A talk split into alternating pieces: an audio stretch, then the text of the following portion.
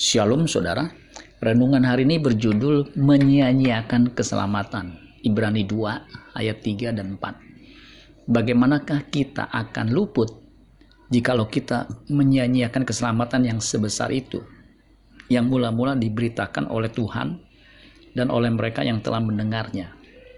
Kepada kita dengan cara yang dapat dipercayai, sedangkan Allah meneguhkan kesaksian mereka oleh tanda-tanda dan mujizat-mujizat dan oleh berbagai-bagai penyataan kekuasaan dan karunia Roh Kudus yang dibagi-bagikannya menurut kekayaan kehendaknya.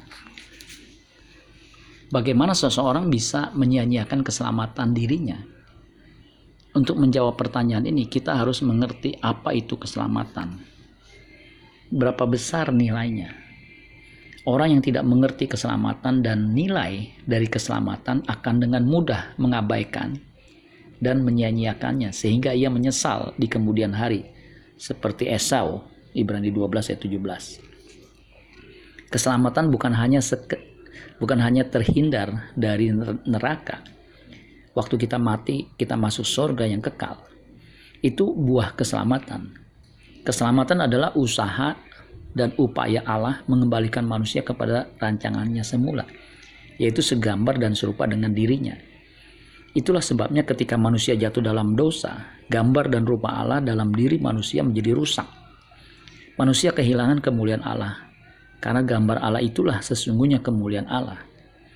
Tuhan Yesus datang ke dunia untuk menebus manusia berdosa. 1 Petrus 1 ayat 18 sampai 19. Di sini kita mengerti jiwa manusia itu seharga darah Tuhan Yesus putra tunggal Allah.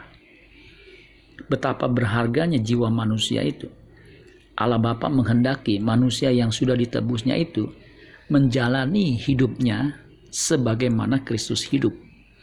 Kehidupan Kristus adalah kehidupan yang berkenan kepada Allah.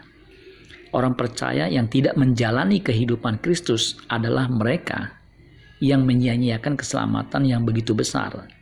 Orang demikian pada akhirnya tidak dikenal oleh Bapa di sorga. Amin buat firman Tuhan. Tuhan Yesus memberkati. Sola Gracia.